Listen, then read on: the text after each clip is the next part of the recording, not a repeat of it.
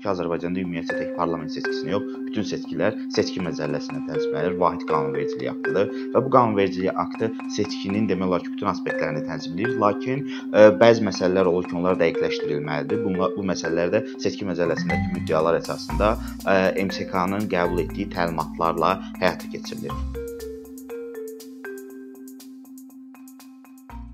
Deməli bildiyimiz kimi Azərbaycanda hal-hazırda parlamentə növbədən kənar seçkilər təyin olunubdur və bu seçki fevralın 9-da 2020-ci ildə keçiriləsidir. Parlament seçkiləri ilə bağlı nəzərə alınmalı məsələlərdən biri odur ki, Azərbaycanda ümumiyyətlə tək parlament seçkisini yox, bütün seçkilər seçki məcəlləsinə tənzimlənir, vahid qanunvericilik aktıdır və bu qanunvericilik aktı seçkinin demək olar ki, bütün aspektlərini tənzimləyir, lakin ə, bəzi məsələlər olur ki, onlar dəqiqləşdirilməlidir. Bunlar bu məsələlər də seçki məcəlləsindəki müddəalar əsasında MSK-nın qəbul etdiyi təlimatlarla həyata keçirilir. Yəni seçkilərin hüquqi bazası seçki məcəlləsi və MSK-nın təlimatları ilə formalaşdırılır. Bu bura da aid deyil, seçkilərin təyin edilməsinə dair prezidentin ə, sərəncamı kimi sənədlər. Ə, seçkin yekunu isə asılıdır Konstitusiya MSK-nın təqdim etdiyi seçkin yekununa dair sənədlər sənədlərin Konstitusiya məhkəməsi tərəfindən təsdiq əsasında bu Milli Məclis və ə, prezident və seçkilərində eləcə də referendumda özünün əksini tapır. Seçki şəxslər üçün neçə mərhələdən ibarətdir? Biz bunu aydınlaşdırmalıyıq. İlk növbədə ilk mərhələ namizədlik ümumi belə adlandırmaq olar, namizədlik mərhələsi və ya şəxslərin seçkidə iştirak etmək təşəbbüsünün ortaya qoyulması. İkinci mərhələ, seçkinin ikinci mərhələsi seçkinin təşviqat və maliyyə məsələləridir. Yəni həmin dövrdə ə, ə, təşəbbüsünü irəli sürmüş şəxsin öz təşəbbüsünü seçicilərə çatdırması mərhələsi kimi də xarakterizə edə bilərik. Burada əsas mahiyyət təşviqatdır, lakin təşviqat biz bilirik ki, havadan aparılmır. Müəyyən maliyyə ilə aparılır. Ona görə də təşviqat mərhələ və yaxud da təşəbbüsün ə, digər şəxslərə çatdırılması, elan edilməsi və onların dəstəyinin qazanılması mərhələsi və seçkinin sonuncu, üçüncü mərhələsini isə biz xarakterizə edə bilərik. Səsvermənin təşkili və onun nəticələrinin e, elan olunması mərhələsi. Bu mərhələdə bir səsvermə təşkil edilir e, müəyyən bir gündə və ondan sonra müəyyən bir e, davam edici günlərdə isə həmin gündə təş təşkil edilmiş səsvermənin növbəti günlərdə e, nəticələrinə dair MSK-nın, yəni Mərkəzi Seçki Komissiyasının e, və ona on, onunla əlaqəli olan dairə seçki komissiyalarının müəyyən protokol protokolları yığılır və o protokollara dair dəqiqləşdirmələr, onların birləşdirilməsi aparıldıqdan sonra isə Konstitusiya məhkəməsinə göndərərək Mərkəzi Seçki Komissiyası Konstitusiya məhkəməsinə təqdim edir və hər Konstitusiya məhkəməsi hər hansı bir e, pozuntular aşkar etmədikdə seçkinin nəticələrini təsdiq etmiş olur. Bu e, seçkilərlə bağlı ümumi məsələ. İndi gələk daha detallı ilk mərhələyə. E, ilk mərhələ namizədliyin irəli sürülməsi və qeydə alınması mərhələsidir. Bu mərhələdə e, necə aparılır? Bu mərhələdə e, baxılır ki, namizədlik hansı qaydada irəli sürülür. İlk növbədə var ki, namizədliyin öz təşəbbüsündən irəli sürülməsi. Yəni kimsə bir şəxs özü durur və deyir ki, e, o e, namizədliyini irəli sürmək istəyir. Digər bir e, irəli sürmə forması, bu da öz təşəbbüsünə aiddir. Seçicilərin təşəbbüs qrupu vasitəsilə namizədliyin irəli sürülməsi. Bunun üçün 50 minimum 50 nəfərdən ibarət seçicilərin təşəbbüs qrupu yaradılmalı və həmin tə təşəbbüs qrupu kiminsə namizədliyini irəli sürməlidir. Bu isə müəyyən seçki dairələri üzrə baş verir təbii ki, bütün ölkə üzrə deyil. Bu bu ikinci bir formadır, amma bu forma Azərbaycanda çox da istifadə olunmur, çox da belə deyim də, çox da effektiv forma, səmərəli forma sayılmır. Hal-hazırda siyasi partiyaların və siyasətlə məşğul olan şəxslərin ə, əllərində olan imkanları nəzərə alsaq, ə, digər bir forma isə siyasi partiya, siyasi partiyalar bloku tərəfindən namizədliyin irəli sürülməsidir. Bunun bunun üçün də siyasi partiya öz namizədlərini təqdim edir və burada siyasi partiyaların səlahiyyətli nümayəndələri vacib rol oynayır. Hal-hazırda nəzərə alsaq ki, Azərbaycanda siyasi partiyaların bir çoxunun effektivlik problemi var və bəzilərinin əsas vacib müxalif siyasi partiyaların, e, iqtidardakı Yeni Azərbaycan Partiyasını nəzərdə tuturaq, müxalif siyasi partiyaların e, seçkini boykot etməsi ilə bağlı məsələ ortaya çıxır. E, cəmiyyəti daha çox maraqlandırır. Mən belə başa düşürəm. Öz təşəbbüsündən irəli, yəni deputatlığa namizədliyin irəli sürülməsi məsələsidir və ə, təşəbbüs qrupu da qeyd etdiyim kimi müəyyən səbəblərdən effektiv deyil ki, Azərbaycanda müəyyən dəstəyin yığılması. Öz təşəbbüsündən namizədliyin irəli sürülməsi necə olur? Bunun üçün artıq ə, MSK tərəfindən seçkilərə, ə, seçkilərlə bağlı təqvim elan olundu olunduqdan sonra e, şəxslər passiv seçki hüququ olan şəxslər buna kimlər aiddir? Hal-hazırda Azərbaycanda bu əvvəl parlament üçün 25 yaşındaydı. 2016 referendumdan sonra 18 yaş salınıbdı. Onlar müraciət edə bilərlər və məhkumluğun olmaması fəaliyyət qabiliyyətini məhkəmə qaydasında təsdiq edilməməsinə dair təsdiq edilməməsinə dair tələblər var. Məhkumluq da burada ağır cinayətə görə məhkumluqdan söhbət gedir. Digər məhkumluqlar nəzərə alınmır. Bu iki şərti ödəyən şəxslər Azərbaycan vətəndaşları seçkilərdə iştirak edə bilərlər. Təbii ki, vətəndaşlığı olmayan şəxslər və əcnəbilər seçkilərdə iştirak edə bilməzlər və parlament seçkiləri üçün ali təhsil tələb olunmur. Bunu da vurğulamalıyıq.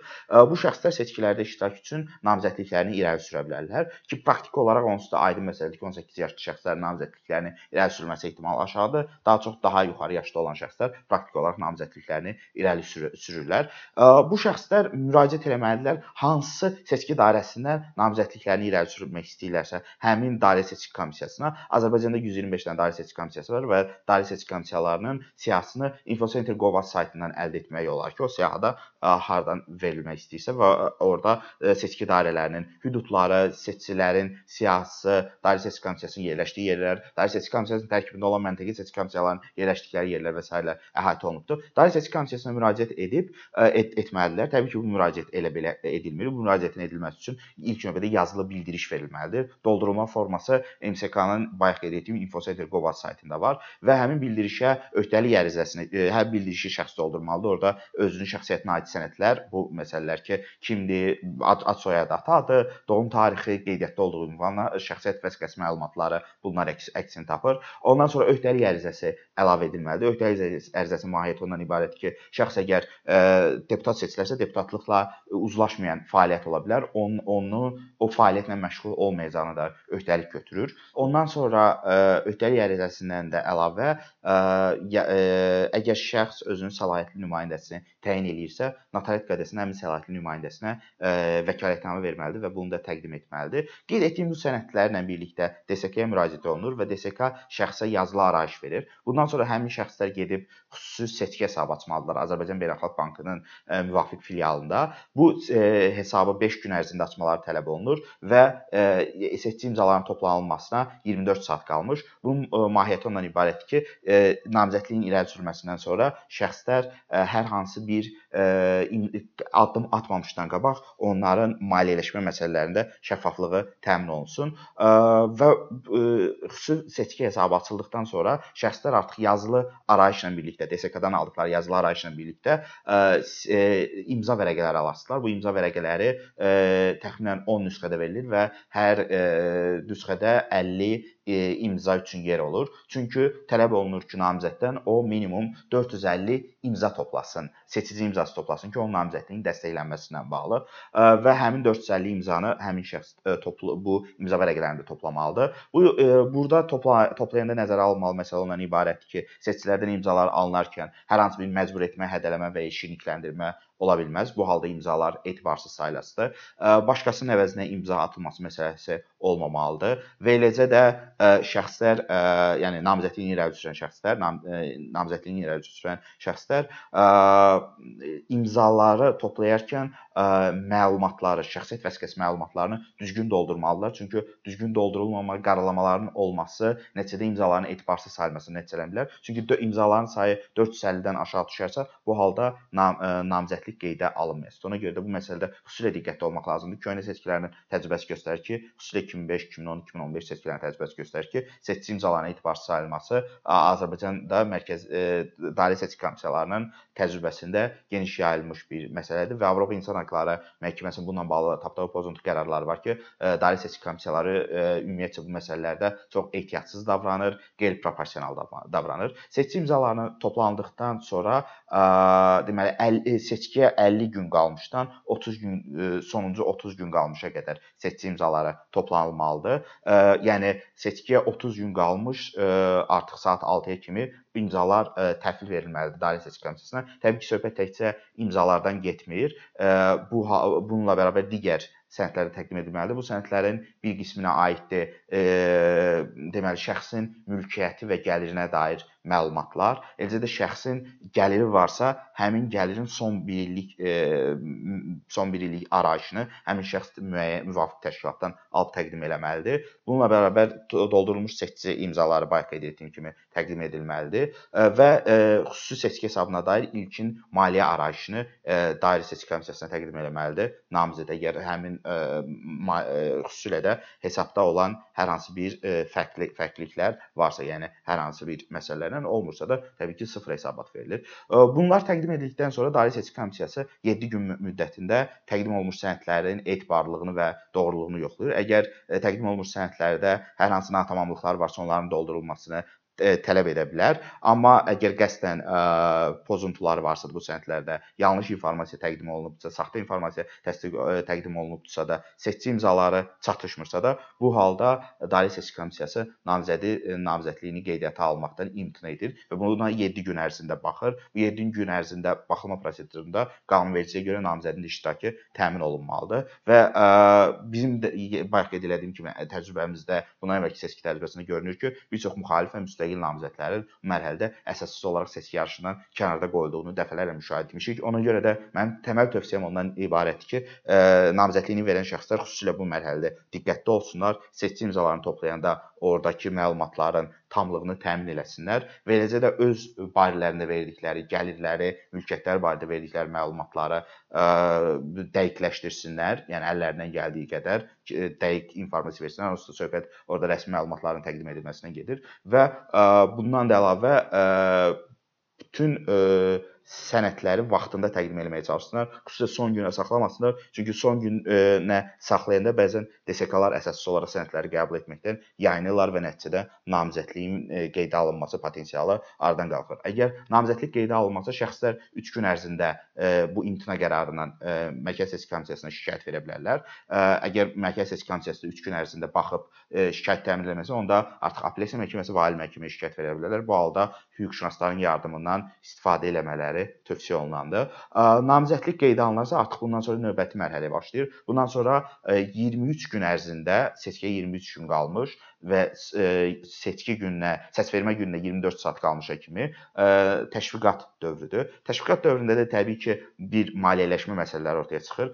Maliyyələşmə məsələsində nəzərə alınmalıdır ki, maliyyələşmə ə, yalnız Azərbaycan Respublikası vətəndaşlarının ə, ödədikləri ianələr vasitəsilə mümkün ola bilər və ianələr bank hesabları vasitəsilə nağdsız həyata keçirdilməlidir. Ə, yəni digər hər hansı formada seçki ianələrinin verilməsi Azərbaycanda ə, yəni nəzərdə tutulmayıbdır. Bu da mən də başa düşürəm ki, praktik olaraq ə, namizədlər üçün problem yaradır. Digər bir məsələ kütləvi informasiya vasitələrindən istifadə və burada təşviqatın aparılmasıdır. Kütləvi informasiya vasitələrində pullu və pulsuz efir vaxtı var. Pulsuz efir vaxt vaxtına bağlı ən böyük problem odur ki, müəyyən e, qanunvericilik bariyerləri qoyulub ki, müəyyən e, limit olarsa ə, namizədlərin qeydiyyatına bağlı onlara həmin limiti xüsusilə siyasi partiyalar, siyasi partiyalar bloku keçərsə, ondan sonra pulsuz efir vaxtı verilir. Azərbaycanda praktikada xüsusilə son dövrlərdə.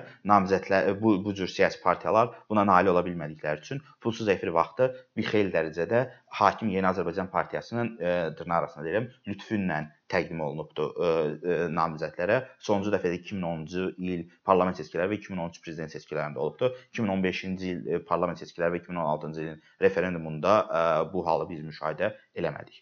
Ə, xüsusilə də 2015-ci ilin parlament seçkilərinə bağlı bu aktual məsələ idi ki, orada pulsuz efir vaxtı olmadı. Ə, dediyim kimi bu artıq subyektiv iradəyə qalıbdır. Pullu efir vaxtından da ən böyük bağlı problem ondan ibarətdir ki, Azərbaycanda ə, özəl televiziya kanalları və ya dövlət televiziya kanalları pullu efir vaxtı ilə bağlı çox yuxarı rəqəmlər təyin edirlər və namizədlər pullu efir vaxtından istifadə edə bilmirlər. Bu halda kütləvi informasiya vasitələrinin yalnız sosial şəbəkə növü effektiv vasitəyə çevrilir və tənzimlənməyən bir vasitə olduğu üçün burada namizədlər daha e, belə deyim də elastik hərəkət etmə imkanlarına malikdirlər və digər məsələ isə tə təşviqat yerləri məsələsidir ki, e, dairə seçki komissiyalarından təşviqat yerlərini namizədlər ə, öyrənməlidirlər və həmin təşviqat yerləri barədə öz seçicilərini məlumatlandırıb, orada onlara öz proqramlarını ə, təqdim etməlidirlər, evlərə gedə bilərlər və digər addımlar ata bilərlər. Bu bu məsələlərlə bağlı ən ciddi məsələ təşviqat dövründə olan ə, bu qeyd etdiyim məlumatlar, məs ə, məlumatların çatdırılması məsələsidir ki, bu kütləvi informasiya vasitələrinə bağlı olan məhdudiyyətlər və maliyyələşmə ilə bağlı qeyd etdiyim formallıq bir çox namizədlərin imkanlarını aşağı salır. Yəni kifayət qədər lazım olan maliyyənin əldə seçki maliyyəsinin əldə edilməsi və kütləvi informasiya vasitələrindən istifadə məsələsi. Qeydiyyata alındıqdan sonra namizədin toxunulmazlığı olur və qeydiyyata alınması ilə birlikdə namizəd təbii ki, təbii ki, əvvəlcədən də öz səlahiyyətli nümayəndələrini təyin edə bilər ki, hansı ki, o səlahiyyətli nümayəndələr dairə seçki komissiyasında və digər yerlərdə həmin şəxsi təmsil edə bilərlər. Bundan sonra gələn mərhələ artıq səsvermənin təşkili, səsvermə gündür. Səsvermənin təşkilində nəzərə alınmalı əsas məqam ondan ibarətdir ki, mümkün qədər daha çox seçki məntəqəsi, məntəqə seçki komissiyasında namizədlər, müşahidəçilər və öz səlahiyyətli nümayəndələrini təyin edə bilməlidirlər ki, o, o səlahiyyətli nümayəndələr, müşahidəçilər seçki prosesini müşahidə edə bilsinlər. Və səsvermənin təşkili ilə bağlı mənim əsas tövsiyəm ondan ibarətdir ki, müşahidəçilər və ya namizədlərin səlahiyyətli nümayəndələri daha çox diqqət yetirsinlər seçki qutusuna hər hansı əlavə seçki bültenlərinin atılmaması, yəni qutu doldurma prosesinin qarşısını almağa, eləcə də müşahidə müşahidə edə bildikləri ki, praktik olaraq qarşısını almaq çətindir. Müşahidə edə bildikləri qədər çalışsınlar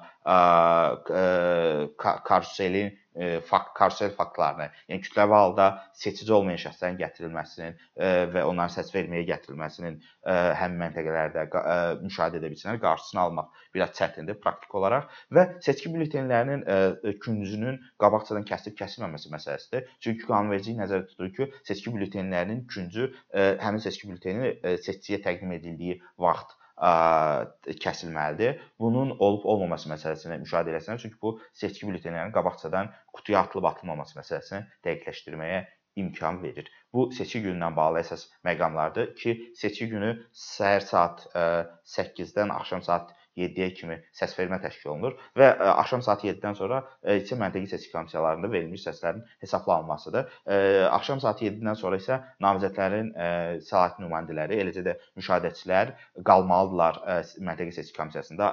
Bir çox hallarda müşahidə edilir ki, məntəqi seçki komissiyalarının üzvləri və sədrləri çalışırlar ki, həmin şəxsləri uzaqlaşdırsınlar oradan müxtəlif manipulyattiv vasitələrlə, amma onlar çalışmalılar orada qalsınlar.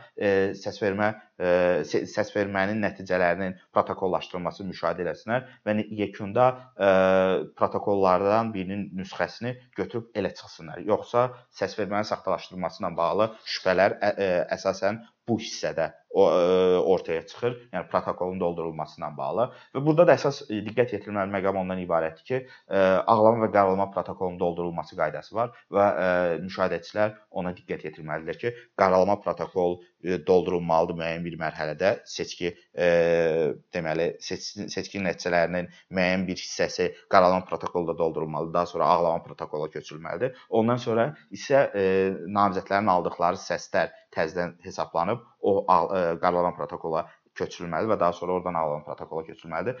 Praktikada olur ki, birbaşa qaralama protokolu axıra kimi doldurulur, daha sonra isə alınan protokola köçürülür. Bu hallar olarsa bu seçki pozuntusudur və e, namizədlərin səlahiyyətli nümayəndələri və müşahidəçilər bu məsələlərə diqqət yetirməlidirlər. Bundan sonra isə seçki protokolları göndərilir Dairə Seçki Komissiyasına və Dairə Seçki Komissiyası protokolları bir növ e, uzlaşdırır və uzlaşdırır, yəni birləşdirir. Daha sonra isə protokollar gedir Mərkəzi Seçki Komissiyasına və Mərkəzi Seçki Komissiyası vahid protokol hazırlayır və bu vahid protokolu daha sonra Konstitusiya Məhkəməsinə göndərir ə, ə, digər sənədlərlə birlikdə və Konstitusiya Məhkəməsi seçki nəticələrini təsdiq edib etməmək barədə qərar qəbul edir. Bu mərhələdə əgər seçki günü, səsvermə günü pozuntuları varsa, bu pozuntularla bağlı namizədlər e, bayaq qeyd etdiyim qaydada DSK-yə e, DSK imtina verərsə MSK-yə, onsa qərarlarından məhkəmələrə şikayət verə bilərlər. Bu mərhələdə də tövsiyə edirəm ki, hüquqşünasların yardımından istifadə etsinlər. Eləcə də təşviqat dövründə, seçki qabağı təşviqat dövründə olan pozuntularla da bağlı eyni qaydada e, müraciət edə bilərlər. Əsas məsələ namizədlərdən burada tələb olunan məsələ mümkün qədər hüquqi formalıqlara diqqət yetirməkləridir. E, hər 3 mərhələ ilə bağlı e, təşviqatla bağlı effektivlik təbii ki, namizədlərin artıq kreativliyinə qalıbdır. Amma hüquqi məsələlərə hər nə qədər çox riayət etməyəsinlərsə də bir o qədər çox oyundan kənar seçki prosesindən kənar qalmaq riskləri var. Səsvermə günü isə mümkün qədər daha çox pozuntuların aktlaşdırılmasına və sənədləşdirilməsinə yönəlmək lazımdır və mümkün qədər namizədlər öz E, e, müşahidəçilərinə və yaxud da səlahiyyətli nümayəndələrinə izah etməlidirlər ki, e, həmin gün konfrontasiyaya getməsinlər və çalışsınlar məntəqə seçki komissiyasında qalsınlar və axıra kimi pozuntuları rəsmiləşdirsinlər ki, daha sonra ən azından yerli sferada olmasa belə beynəlxalq sferada nə isə etmək mümkün olsun.